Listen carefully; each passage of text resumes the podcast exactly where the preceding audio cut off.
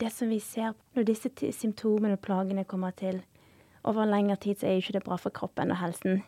Og det hjernen av og til gjør i sånne tilfeller, er at det begynner å se etter rømningsveier. Altså når kroppen er stresset over en lengre periode, så begynner vi kanskje å se etter rømningsveier. Og, og, det, og da mener jeg um, vaner som ikke er så bra for oss. Som eksempel uh, da begynner vi å ha lyst til å spise mer sukker hvis vi er veldig stresset over en mm. lengre periode. Spiser mer usunt. Eh, vi har lyst til å ligge mer på sofaen, er mer inaktive. Mm. Isolere oss mer, kanskje. Kanskje begynne å drikke mer eh, alkohol eller bruke andre rusmidler. Altså, kroppen ser etter rømningsveier. Sant? Og disse uvanene som vi får oss, det gjør jo at vår mentale og fysiske helse blir enda verre. Så man går i en sånn ond sirkel, da. Mm. Så hvis man klarer å jobbe litt med hvordan man skal håndtere stress på en annen måte, mm. på en bedre måte, og her tenker jeg pusten kan hjelpe oss, så kan vi kanskje bli bevisst på denne sirkelen her tar riktige valg, tar bedre valg som eh, vil hjelpe oss med helsen vår, rett og slett.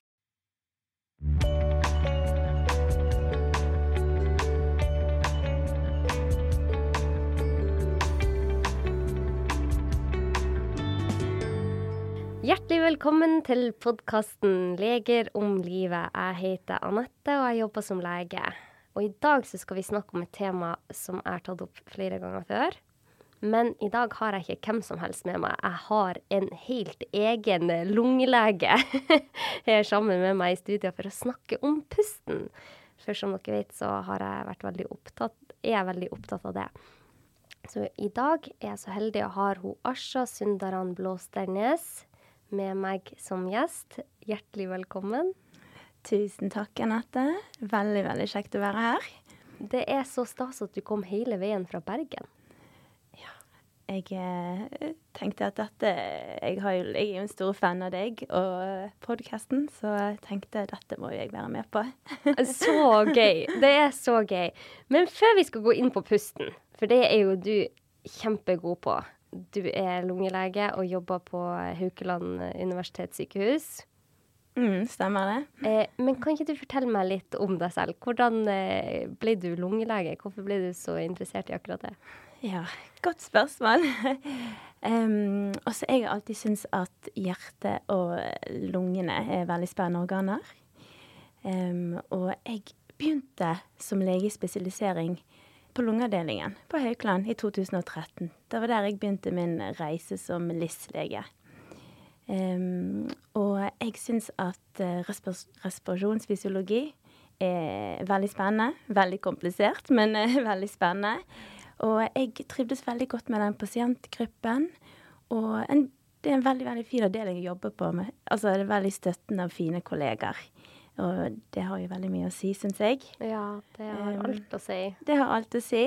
Um, men jeg er jo jeg er jo litt sånn som liker å prøve litt forskjellige ting før jeg bestemmer meg for noe. Så eh, etter to år på lungeavdelingen så uh, tenkte jeg at nå må jeg prøve litt forskjellige ting. litt forskjellige avdelinger. Ja. Så da eh, jobbet jeg et halvt år i Tanzania i Afrika. Um, og så et år på hjerteavdelingen, eller nesten et år. Fortell mer om Tanzania. Hva, hva gjorde du der? Jeg jobbet som lege på et sykehus der i et halvt år. Oi. Eh, på et sånn generell medisinsk avdeling. Oi. Så det var, eh, det var, veldig spennende. Veldig annerledes. Veldig lærerikt, kan jeg tenke meg. Absolutt, det var det. Dro du alene dit? Um, nei, det var en del andre leger fra Haukeland som var med, så vi var en gjeng. Uh, så det var veldig fint å ha ja, støttespillere og uh, andre leger som man kunne diskutere med og snakke med. Oi. Mm. Ja, OK. Og så kom du tilbake, og så begynte du på hjertet? Ja, så kom tilbake, og så jobbet jeg litt til på lunge. Og ja. så var det videre på hjerteavdelingen. Ja. Og så videre i mottaksklinikken, der jeg har vært i nesten Jeg var der i to år cirka. Ja. Og nå er du tilbake på lunge? nå er jeg tilbake på lunge. Så nå har jeg bestemt meg for at det er lunge jeg eh, trives veldig godt med. Det er lungepasienter jeg har lyst til å jobbe med, og det er lungefeltet jeg, eh, jeg eh, liker best. det er jo et utrolig spennende felt, og et veldig komplekst felt, som du sier. Og det er jo ganske syke pasienter du har med å gjøre av og til, altså. Ja, det er det. Det er en tung pasientgruppe eh, med flere problemstillinger. Ja. Så eh, det er jo krevende til tider det, å jobbe som lege på, det, på lungeavdelingen. Men eh, jeg syns det er et veldig givende sted å jobbe. Givende pasientgruppe. Har du blitt eh, mer og mer opptatt av hvordan vi puster i forbindelse med jobben din, eller hva, hva som har gjort at du er blitt så interessert i pusten? For jeg vet jo at du har jo hatt kurs i tema, og du driver jo med yoga, og der er det jo mye pusteøvelser. Mm. Eh, hvordan ble den veien til at du ble så interessert i det feltet? Ja, altså Det er kanskje noe som har skjedd litt ved siden av jobben. Ja. Eh, at jeg er blitt mye veldig interessert i yoga og, og pusten. Um, og det begynte vel med meditasjon for min del. Og jeg merket hva forskjell det gjorde med meg eh, i mitt liv, med meg selv og med de rundt meg. Altså et forhold jeg fikk til livet generelt. Um, så derfor ble jeg mer og mer interessert i pusten og yoga. Um, og tok en teacher training i medieyoga for tre år siden, er det vel? For å fordype meg enda mer i pusten og, og eh, hva det gjør med kropp og sinn. Ja. Og siden det har det ene bare ført til det andre. Og så, ja, jeg har tatt en til yogautdanning da, i tradisjonell yoga, der man går mye mer inn i filosofi, historie og mye forskjellig. Så ja, det har bare blitt til at jeg har blitt kjempefascinert og interessert av pusten. Um, og sammenhengen den har med, med kroppen. Um, og så Vi må jo Vi puster jo for å leve. ja. Og pusten er en livsviktig funksjon som vi alle gjør uten å tenke noe særlig over det. Mm. Um, vi puster jo ca. 20 000 pust i døgnet. Tenk og- det. Ja, sant. Tenk det. 20 000 pust i døgnet. Mm. Og så er jo det sånn at hvordan vi føler oss eh, mentalt og psykisk, og, altså fysisk og psykisk, påvirker pusten vår. Og hvordan vi puster påvirker hvordan vi føler oss psykisk og fysisk. Og dette syns jeg er jo veldig interessant og utrolig spennende. Mm. Hvordan eh, altså mental helse og det fysiske og emosjonell helse henger sammen, og hvordan pusten kanskje knytter alt sammen. Ja, ja, og det er veldig fascinerende, fordi at pusten er jo noe som går helt automatisk. Men det er òg noe du kan styre. Ja. Og det er jo er ikke det en, det er vel kanskje det eneste automatiske funksjonen vi har som vi kan ta over. Mm, det er det. Så det er Nei, det, jeg syns òg det er et kjempespennende felt. Og så har det jo kommet mye forskning på akkurat det du sier, hvordan Ja, det at fysisk og mental lidelse påvirker pusten, men at pusten også kan påvirke din fysiske og mentale helse, da. Ja. Og eh, det er veldig fascinerende. Og vi er nødt til å gå mer eh, dypere inn i dette feltet. Eh, før vi går gjennom det, kan du fortelle meg hva skjer i kroppen når vi puster? Gå gjennom en pustesyklus med oss, rett og slett. OK. Så vi puster inn eh, gjennom nesen. Ehm, så går altså luften går gjennom luftveiene våre, ned i luftrøret. Eh, så deler det seg inn i bronkier, altså to gren, Ja. Ehm, i hver lunge. Og så deler disse grenene i enda flere gren, bronkioler. Okay. um, og så helt i enden av alle de av luftrørene så kommer vi til sånne luftblærer. Alveoler, som de heter. Og her, også i lungene, så har vi kanskje 300 millioner alveoler. Altså, vi har jo 300 millioner alveoler. OK, så det er sånne små luftblærer som ta, der man tar opp. Ja, det er der gassutvekslingen skjer. Og så Ja. det er der eh, blodet tar opp oksygenet. Altså, vi har jo mange sånne små blodkar rundt hver eneste luftblære. Em, og her eh, tas opp oksygenet som vi puster inn, tas opp i blodet. Og blodet pumpes videre til Eller ja, det går videre til hjertet. Og hjertet pumper jo eh, oksygenet videre til hele kroppen. Til alle cellene i hele kroppen. Og her skjer det en prosess der oksygenet brukes for å produsere energi. Og i denne prosessen så eh, produseres det også et avfallsstoff som heter CO2, karbondioksid, Ja. som da transporteres via venene og tilbake til hjertet, som pumper dette opp til lungene. Ja. Og i lungene så tar, tas CO2 opp igjen i disse luftblærene. Ja. Det, det er der det gassutvekslingen skjer. Sant? Blodet tar opp oksygenet, og lungene tar inn igjen CO2-en. Ja. Og så puster vi CO2-en ut igjen. Kroppen er så fantastisk. det, den er det. Ja, veldig fint. Det var veldig visuelt. Så du puster inn O2, og det blir tatt inn i kroppen din, og så puster du ut CO2-et. Helt grovt. Ja, helt grovt. Helt det er jo grovt. akkurat det. Men det er jo sånn at man tenker jo OK, CO2, avfallsstoff, det må vi bli kvitt, vi må bare få det ut. Men man vil ikke ha for lite CO2 heller. Og man vil ikke ha for mye oksygen. Nei. Det er en balanse der. Ja. Altså, vi vil jo helst ha mer oksygen enn CO2. Ja. Um, men vi trenger begge deler. ja. Eh, sant? Oksygen trenger vi for å produsere energi, og eh, CO2 den trenger vi for å opprettholde en eh, normal pH i, i blodet. Em, og det er CO2-en som faktisk driver respirasjonen vår. Um, så hvis vi har for mye CO2 Altså det det kroppen senser hvis det er for mye av det eller for lite av det. Det er det som styrer hvordan vi puster. ja.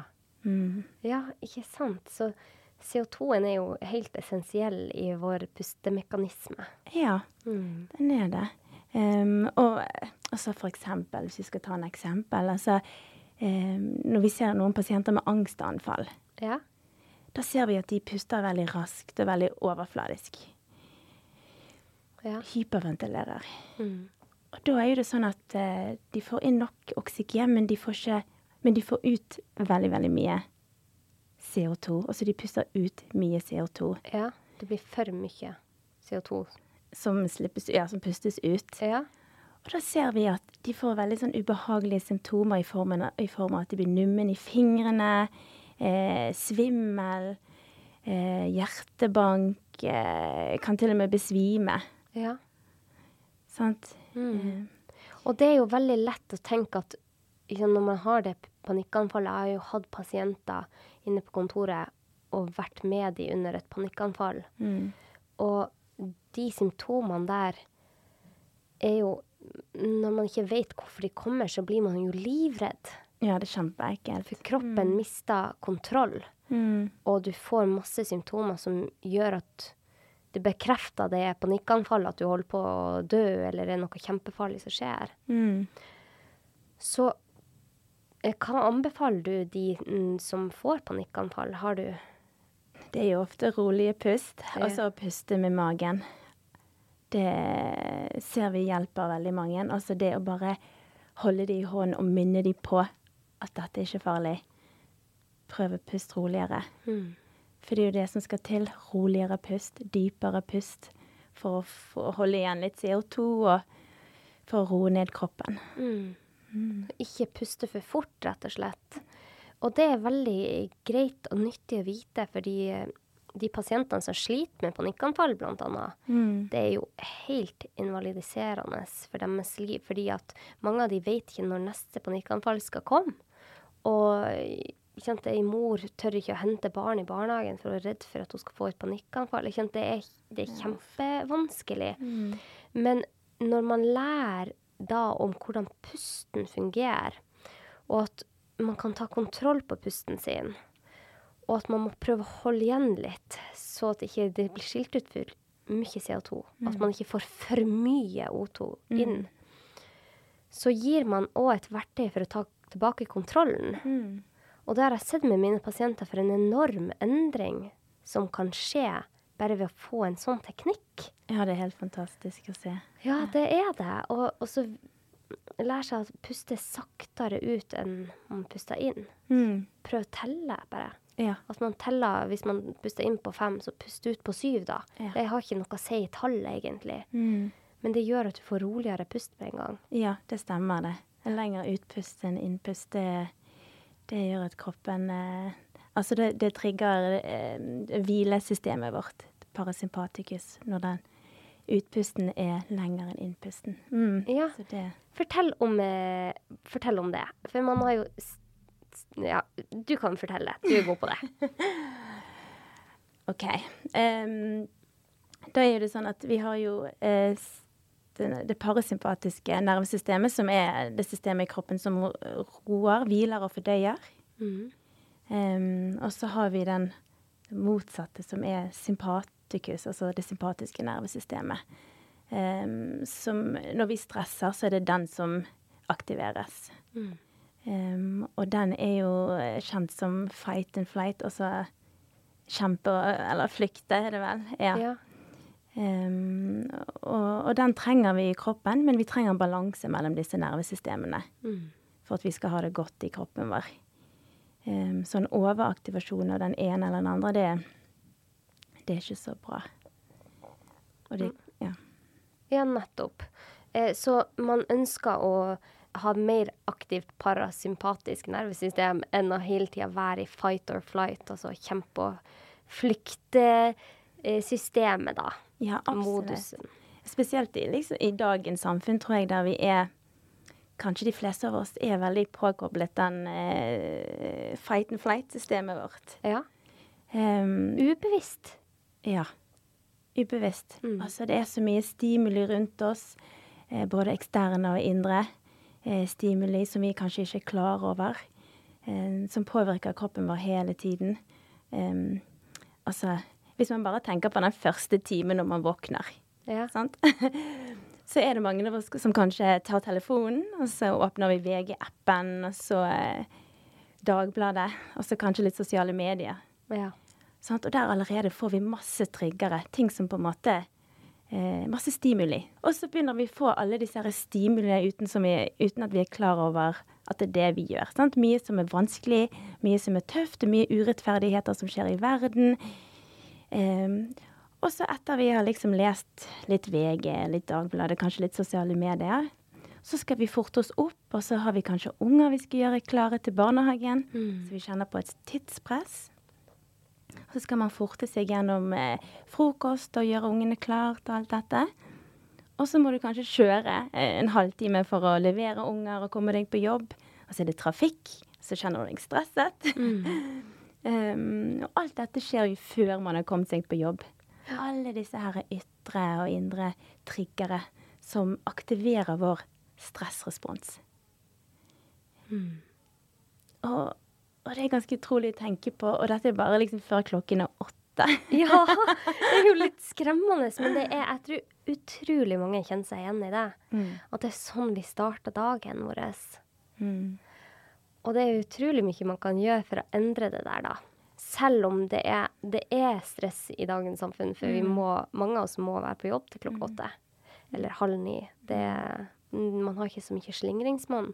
Særlig de som jobber i helsevesenet. Mm. Eh, men det å ta tilbake litt kontroll, det har i hvert fall gjort så mye for mitt eget liv. Jeg kan nesten ikke få sagt det. Fra å bare handle på autopilot fra du starter morgenen, kaste deg opp når eh, alarmen går, og være i det sympatiske nervesystemet, være i det moduset. Mm. Det setter jo tonen for hele dagen din. Mm. Eller det kan i hvert fall det.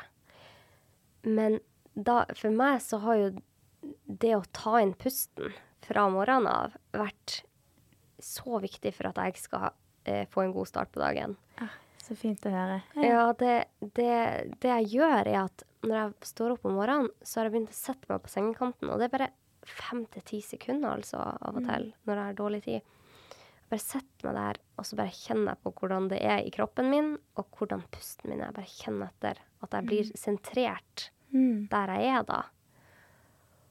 Og da fra det ståstedet så er det mye lettere å ta bevisste valg. Så da åpner jeg ikke VG-appen, som jeg tidligere Nei. gjorde. Ja. For at jeg er i en bevisst modus, ikke sant? Og jeg prøver å ta valg, og det er ingenting som er perfekt. Og det flyter ut på morgenen, og det er barn som har, vi har dårlig mm, tid for å få kledd på. Det er helt greit, for det er en del av hverdagen. Mm. Man kan ikke få bort stresset.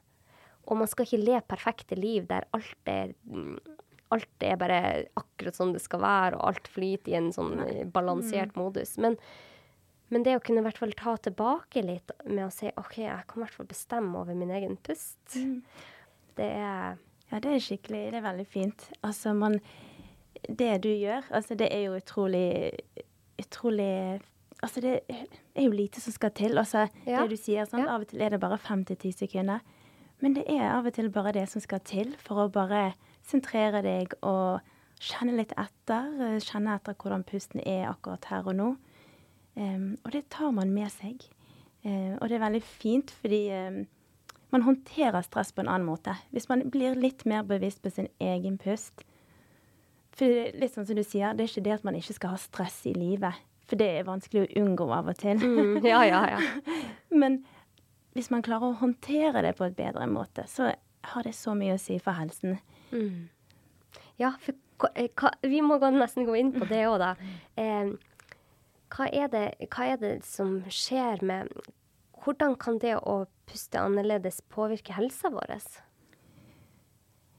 Ja, og så nå når vi snakker litt om dette med sympatisk og parasympatiske nervesystemet, så eh, Altså, vi har jo veldig mye ting som kan stresse oss både psykisk og fysisk i, i livet. Em, psykisk Altså, det kan jo være alt fra forventninger til alt vi har lyst til å få til. Um, å prestere på jobb, eh, hjemme. Sant? Krevende oppgaver, tidspress og alt dette som skjer rundt oss.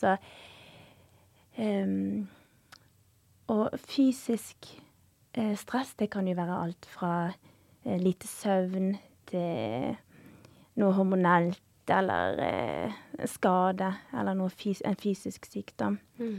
Em, og stress i seg sjøl, altså hvis vi går rundt og er stresset, hvis vi er påkoblet vår sympatiske nervesystemet over lengre tid Altså langvarig stress, det er jo ikke bra for oss. Nei. Det er ikke bra for helsen vår. Em, og over en lengre periode så kan det være helseskadelig. Um, og da tenker jeg altså Hvis man er påkoblet eh, sympatiske nervesystemet eh, pga. langvarig stress, det kan jo gi flere plager um, og symptomer, som f.eks. altså fysiske symptomer av langvarig stress. Mm. Det kan jo være hjertebank, eh, høyt blodtrykk, Mm. eh, fordøyelsesvansker, utslett, man mister håret sitt, eh, lav energi, Mm. sånt gjentatte infeksjoner, Mm. flere ting.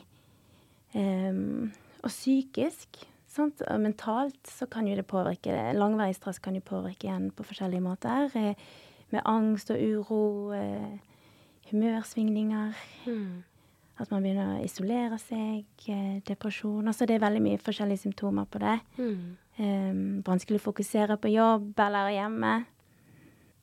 Og det som vi ser på en måte når man Når disse symptomene og plagene kommer til over lengre tid, så er jo ikke det bra for kroppen og helsen. Og det hjernen av og til gjør i sånne tilfeller, er at det begynner å se etter rømningsveier. Altså når kroppen er stresset over en lengre periode, så begynner vi kanskje å se etter rømningsveier. Og, og, det, og da mener jeg um, vaner som ikke er så bra for oss. Mm. Eh, som for eksempel eh, Da begynner vi å ha lyst til å spise mer sukker hvis vi er veldig stresset over en lengre periode. Spise mer usunt. Eh, vi har lyst til å ligge mer på sofaen, er mer inaktive. Mm. Isolere oss mer, kanskje. Eh, kanskje begynne å drikke mer eh, alkohol, eller bruke andre rusmidler. Altså, kroppen ser etter rømningsveier. Sant? Og disse uvanene som vi får oss, det gjør jo at vår mentale og fysiske helse blir enda verre. Så man går i en sånn ond sirkel, da. Mm. Så hvis man klarer å jobbe litt med hvordan man skal håndtere stress på en annen måte, på en bedre måte, og her tenker jeg pusten kan hjelpe oss, så kan vi kanskje bli bevisst på denne sirkelen her. Ta riktige valg, ta bedre valg som eh, vil hjelpe oss med helsen vår, rett og slett. Mm. Det var så sterkt det du sa nå, Asha. Det var, det var utrolig klokt og uh, Ja. Det, det er veldig fint å bli det bevisst. Mm. Og selv om eh, man blir det bevisst, så må man øve seg igjen og igjen og bli bevisst Absolutt. igjen. Mm. Jeg går jo en evig skole, føler jeg på det. Ja. og, og må ta tilbake verktøyene og eh, Og den der syklusen du fortalte om nå, den syns jeg bare Det berørte meg, for at jeg ser at vi er, vi er alle her, eh, vi alle mennesker her på jorda, vi Mm. ønsker jo å være ha det bra og ønsker å være en god utgave av oss selv. Eh, men i en sånn stressyklus som det er så vanlig å gå i, så Mm. klarer vi ikke å gjøre det vi ønsker å gjøre. Og man gjør kanskje eh, ting som man ikke skulle ha gjort eller ønska å gjøre. Mm. For man er ikke bevisst på syklusen, og man er ikke bevisst på man ha, hvordan man har det inni seg, rett og slett. Mm. Det er akkurat det. Mm. Og det å kjenne etter hvordan man har det, det er en liten øvelse som jeg tror man naturlig fikk før i tida. For man gikk ut, vi er jo jegere og sankere, man gikk ut og sanka og jagde og Mm. var i naturen og fikk kjenne på hvordan kroppen var, og hvordan sinnet var, på en helt annen måte enn vi får nå, fordi at nå blir vi hele tida distrahert av utenforstående faktorer Mm. Som gjør at du, du rekker ikke å sjekke innom deg selv. Nei, det er akkurat det. Mm. Man stopper ikke opp på samme måte og bare kjenner etter eller reflekterer eller eh, tenker seg om det. Mm. Ja. Og da tenker jeg, du ser jo dette i din jobb, og du har jo eh, spesialisert deg på egen hånd innenfor akkurat dette med pusten og yoga, og det er jo utrolig mye god forskning som, som viser hvor eh, effektivt pusten kan være på hvordan vi har det. Hva, hva tenker du man skal begynne med, da, hvis man ønsker å endre på eh, pustemønsteret sitt? Um, altså, jeg tenker eh, Hvis man har lyst til å bli litt mer bevisst på pusten, um, så er det bare å eh, Altså begynne med et par minutter hver dag. Eh, sjekke inn. Um, sjekke inn bare sånn Hvordan er det jeg puster akkurat nå? Um, puster jeg med høye skuldre? Puster jeg helt øverst i brystet? Um, puster jeg med magen? Er pusten min hakkete? Er den rolig og dyp? Bare kjenn litt etter hvordan selve pusten din er. Em, og det kan si deg veldig mye om hvordan du faktisk har det. Um, og så er jo det veldig mange forskjellige pusteøvelser man kan gjøre, eller meditasjoner, hvis man har lyst til å begynne med noe sånt.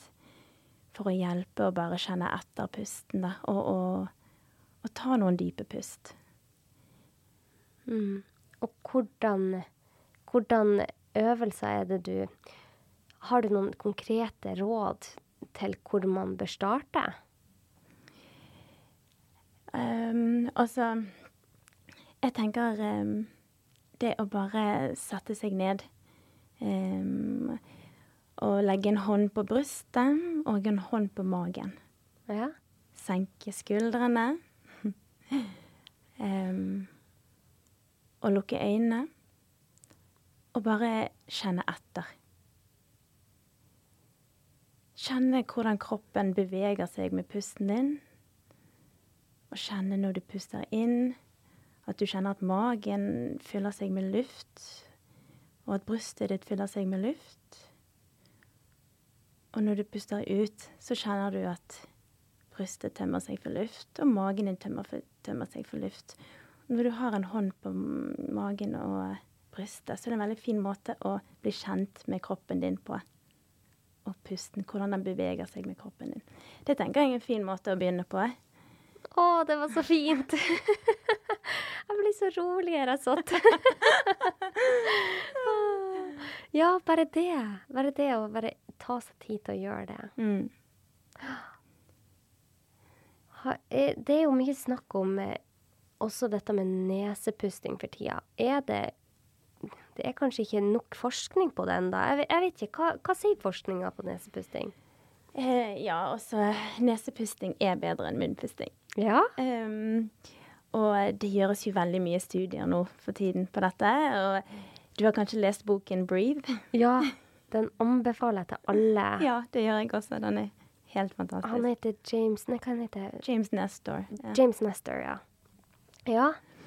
Um, sant? Og han, i den boken så gjør jo de en del studier på nesepust versus munnpust. Ehm, men um, altså, nesen vår er jo helt fantastisk. sånn at Den er, når vi puster inn, så filtrerer den, og, sånn at man ikke får alt mulig støv og, og bakterier og uønskede partikler inn i luftveien. I tillegg til at den varmer og fukter den luften vi puster inn. Ehm, og så er det nitrogenoksid som produseres i øvre luftveiene våre. Så når vi puster inn gjennom nesen, så slippes det ut, og så får vi det med oss inn i lungene. Og denne her, altså NO, nitrogenoksid, er jo med på å dilatere blodårene våre, så det gjør at vi får mer oksygenopptak og um, uh, forbedrer sirkulasjonen vår i kroppen. Um, og så er det masse fordeler med nesepuss Og så, ehm, de har jo vist at munnpust gjør at man får mer tannproblemer. Oi. Ehm, at det endrer anatomien rett og slett over en lengre periode. Ja.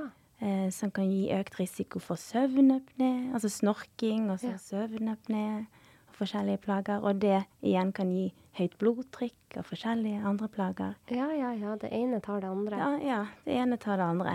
Um, og munntørrhet. Altså hvis du er en som våkner om natten eller på morgenen og kjenner at du er veldig tørr i munnen, så er det kanskje fordi du puster via puster med munnen. Ja. Og hva kan man gjøre for å bli mer bevisst på det, for å puste mer med nesen, da? For det er jo det vi er laga til. Vi skal jo puste med nesen. Det er jo en grunn til at vi har den om nesen. Og, og at de Ja, det du sier, at det filtrerer luften og Ja, det har så mange gode fordeler. Men hvordan blir man mer bevisste, da? Altså bare det å tenke litt mer over det. ehm, bruke nesepust mer jevnt eh, gjennom dagen.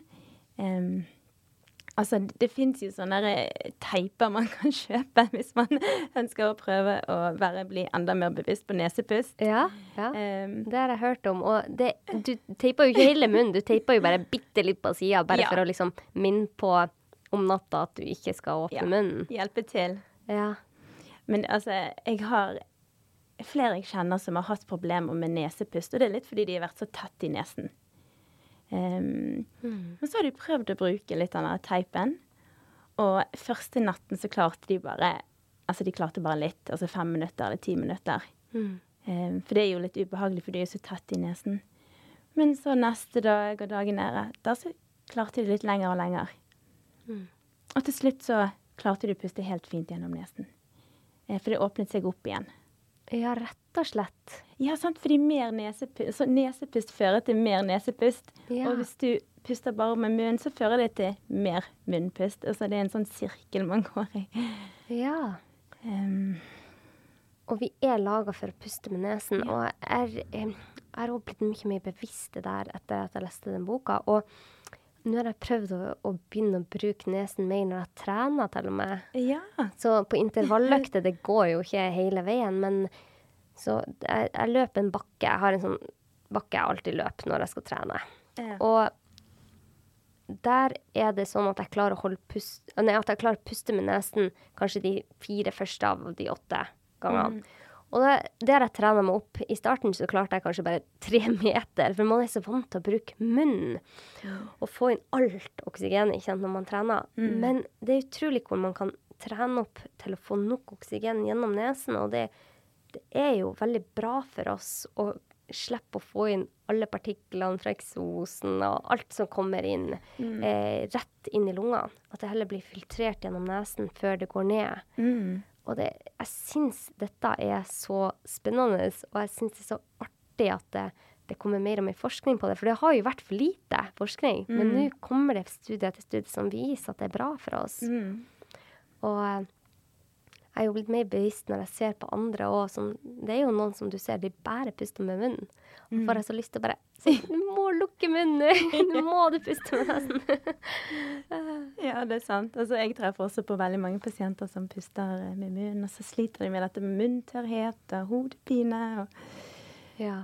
forskjellige plager. sant? Men ja, det er en vane, altså, eller en uvane, ja. Ja. som vi må gå bevisst inn for å endre. da. Men eh, Det er veldig fascinerende det her med at det er så mange som forteller at de blir så mye bedre fra mye rart når de begynner med å teipe munnen på natta. ja, altså, de har jo vist altså det med Altså, i den boken 'Breathe', sant, så er jo han en som har Han går jo Altså, nå skal jeg ikke fortelle så mye om den boken, sånn at de som ikke har lest den, skal få lov å lese den. Men det som er greien, altså Alle disse her negative altså helseplagene man kan få via av eh, munnpust. Altså Man ser jo at bare ved å begynne å puste med nesen, altså det er ikke for seint, så kan man motvirke alle de plagene. Ja. Det viste at høyt blodtrykk, eh, søvnproblemer kan man få, eh, munntørrhet, Ja. problemer med tennene, Ja. hodepine. Ja. Det, er- det er vanvittig. Listen er lang, ja. Ja, det, listen er lang. Så, eh, så du råder folk til å prøve å begynne å puste med nesen? ja, det gjør jeg. Å, så bra! Da har jeg fått en lungelege til å gi den anbefalinga, og jeg vet at du har satt deg skikkelig inn i dette. Men hva er det I yoga så driver de jo mye med nesepusting òg, for da er det sånn du skal puste inn med nesen og ut med munnen. Og dette er jo sånne pusteøvelser som har vært i tusenvis av år, så det, det er jo tydeligvis eh, Mm. noe man har eh, sett for lenge siden at det, det var bra for oss. Ja. Det er mye nesepusting i yoga. Um, og der har de også mye fokus på Altså, nesen vår har jo eh, sykluser. Sånn at det ene neseboret er jo ofte mer åpen enn den andre. Og dette er sånn som endrer seg gjennom dagen. Ja. Og så er det påvirket av Dette blir også påvirket av stress og søvn og hormoner og mye forskjellig. Mm. Og det som vi vet, er at å puste gjennom venstre nesebor, det kan hjelpe å aktivere parasympatikus. Altså nesen er koblet til vår nervesystem. Ja. Og ved å puste gjennom høyre nesebor, så kan det aktivere sympatikus. Oi. Så i yogaen har vi mye fokus på pusteøvelser der vi puster gjennom forskjellige nesebor. da. Hvordan holder man for det inne, da? Ja, man bruker fingrene, så holder man Oi! ene siden. Um, og noen pusteøvelser er det bare gjennom ene neseboren, noen er det gjennom den andre, så noen er det begge deler da, for å få mer balanse i kroppen. Ja. Så det er spennende. ja, det er kjempefascinerende. Hvor lenge har du drevet med yoga? Um, også jeg har drevet på med det i noen år nå. Ja. Um, jeg vil si at de siste tre-fire årene så har det vært, uh, blitt en sånn daglig praksis for meg. Mm. Oi. Ja. Jeg uh, Altså, jeg Når jeg merket hva forskjell det gjorde for meg, så ble jeg bare veldig interessert i det og begynte å ta disse teacher-trainingene og fordype meg masse i det. Mm. Så nå, eh, nå finner du meg på matten istedenfor Netflix, sånn som jeg gjorde før. Før satt jeg meg på sofaen og så på Netflix, men nå sitter jeg på matten. Hva sier mannen din til det?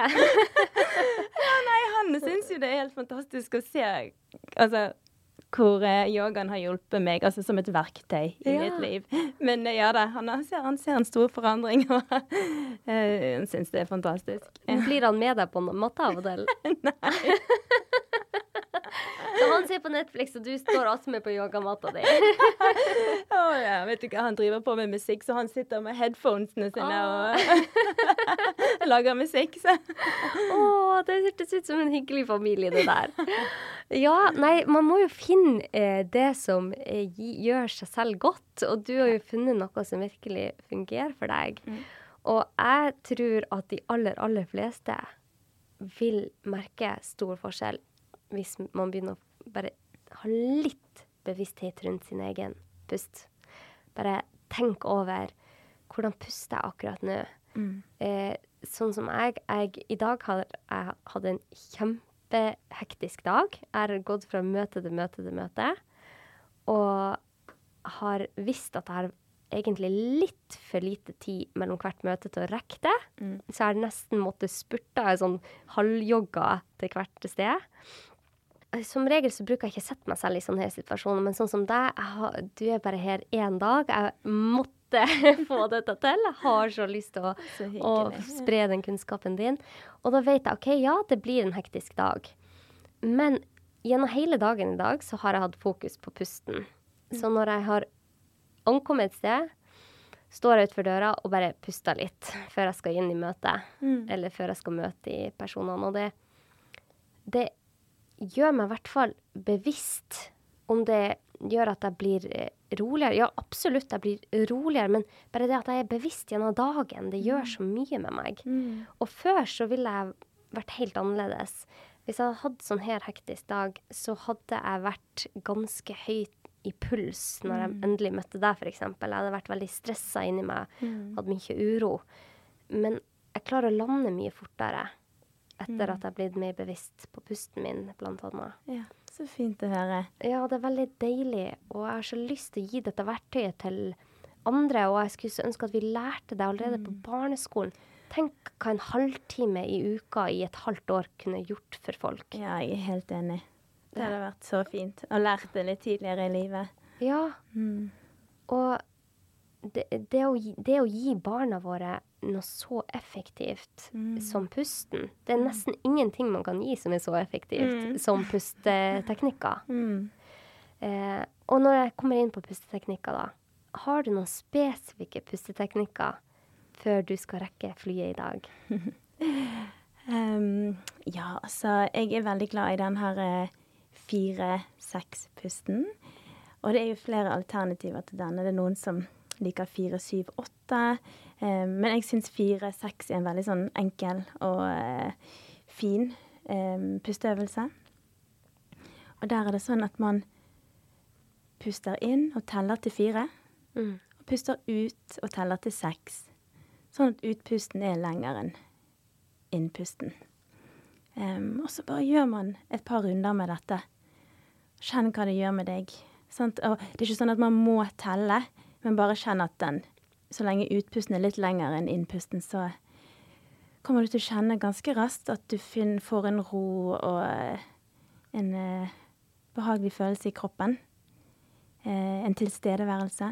Mm. Så det er en enkel øvelse, tenker jeg, at eh, man kan gjøre. Veldig enkel. Den skal jeg legge ut på Instagram etter eh, vi har snakka. Eh, ja, og så har jeg en til. Mhm. Og dette er en sånn å puste gjennom venstre nesebor. Ja. Denne her gjør jeg eh, ofte på kveldene eller før jeg skal legge meg. Du kan også gjøre den i sengen. ja. Altså at du kan legge deg på høyre side, og så lukker du høyre nesebor. Mm. Og så puster du rolig gjennom venstre nesebor. Sånn, Inn og ut gjennom venstre siden. Og fortsetter så lenge du trenger. Um, men denne den kommer til å hjelpe deg å, å, å sovne. ja! Oi, så spennende. Denne har jeg eh, guidet min mann gjennom flere ganger når han ikke har klart å sove, og den funker hver gang. Så um, den kan være fin å ta med seg. Det er en veldig fin måte å roe seg ned før man skal sovne. Mm. Jeg er hellig overbevist om at det gir bedre søvn òg. så, så det er jo veldig gode eh, øvelser. Mm. Fire-seks-pusten og puste gjennom venstre nesebor. Og da teller du ikke. Da bare puster du vanlig. Ja, da bare puster du vanlig. Bare fokuserer på pusten og puster rolig inn og ut gjennom nesen. Så bra. Åh, nei, dette er jeg så glad for å kunne dele, og jeg er så glad for at du har eh, blitt så interessert i temaet og deler Mm. den kunnskapen videre. For det er Du hjelper så mange på din vei nå, Åsa. Og Ja, takk for det, Anette. Altså, det er jo eh, Jeg tenker det er et sånt fint verktøy som vi alle kan ta i bruk. Um, og det kan liksom bare det, som du sier, at et par pust gjør at du føler deg mer til stede. Uh, og den tilstedeværelsen, altså det tror jeg alle, mange av oss prøver å finne. Altså prøver å Fordi livet skjer så fort, og det er så mye ting som skjer hele døgnet. Og vi blir stresset av mye. Og jeg tenker det å ha litt fotfeste, og det å føle seg sentrert, til stede og bevisst i alt som skjer her og nå. Mm. Altså, det har så positiv effekt på seg sjøl, på uh, ungene dine. Altså, de merker jo selvfølgelig at du er mer til stede Mm. med pasientene våre. Um, og, og når man er til stede i sin kropp og sinn, så er det lettere å ta valg, bevisste valg, om hva man ønsker, eller det er lettere å ta hensyn til hva kroppen trenger. Sånn, hvis man er stresset over en lengre periode, så Hvis man bruker pusten for å bare kjenne litt etter hvordan man har det, så er det mye lettere å kjenne etter, også, å kjenne etter hva man trenger, hva man trenger å ta hensyn til. Altså, er det søvn? Er det å treffe en venninne? Eh, Altså, er det å ha litt færre oppgaver jeg trenger å gjøre? Altså bare Man får ikke tid til å kjenne etter sånne ting hvis ikke man tar seg en pustepause. Eller en pause, rett og slett. Så um, jeg tenker pusten er en, en veldig fin verktøy um, for å være mer til stede i seg sjøl, i livet sitt. Mm. Jeg likte at du sa det, at da blir det lettere å finne ut av hva du trenger. Mm. Det er så sant. Mm. Så enkelt, men så vanskelig. ja, det er ja, det er en øvelse. Ja. Nei, men dette var kjempebra. Virkelig eh, veldig lærerikt. Har du noe mer du har lyst til å lære oss før du skal rekke flyet? Ja, altså jeg tenker um, ikke vær uh, redd for å prøve meditasjon eller pusteøvelser. Uh, jeg tror det er mange som ikke helt vet hvor de skal begynne, eller hvordan man skal begynne. Um, men bare sett Altså det kan være i sengen din, eller bare at du setter deg ned på gulvet, eller sitter, sitter på en stol. Og prøv uh, bare å fokusere på pusten, og gjør noen enkle pusteøvelser. Og hvis du syns dette er vanskelig, for det er jo veldig, det kan jo være ubehagelig og rart for veldig mange, og plutselig bare altså tanken av å meditere eller pusteøvelser og sånt. Men man kan bruke en app. Det er veldig mange bra apper som kan hjelpe med å guide, guide litt, og det tror jeg mange syns er fint. Og så um, Jeg har hørt om Headspace, den tror jeg en del bruker. Em, og bare begynn med et par minutter. Og prøv noen dager på rad, sånn at man, kroppen får tid til å kjenne effekten av hva det gjør med deg. Um, og så hvis du liker det, så er det bare å gjøre det mer og mer daglig. Men uh, det trenger ikke være en halvtime. altså Bare prøv noen minutter hver dag. Eh, enten på morgenen eller på kvelden. Når som helst. Og så se hva det gjør med deg. Og så se hva det gjør med din kropp og sinn og tilstedeværelse i livet. Det var veldig fint.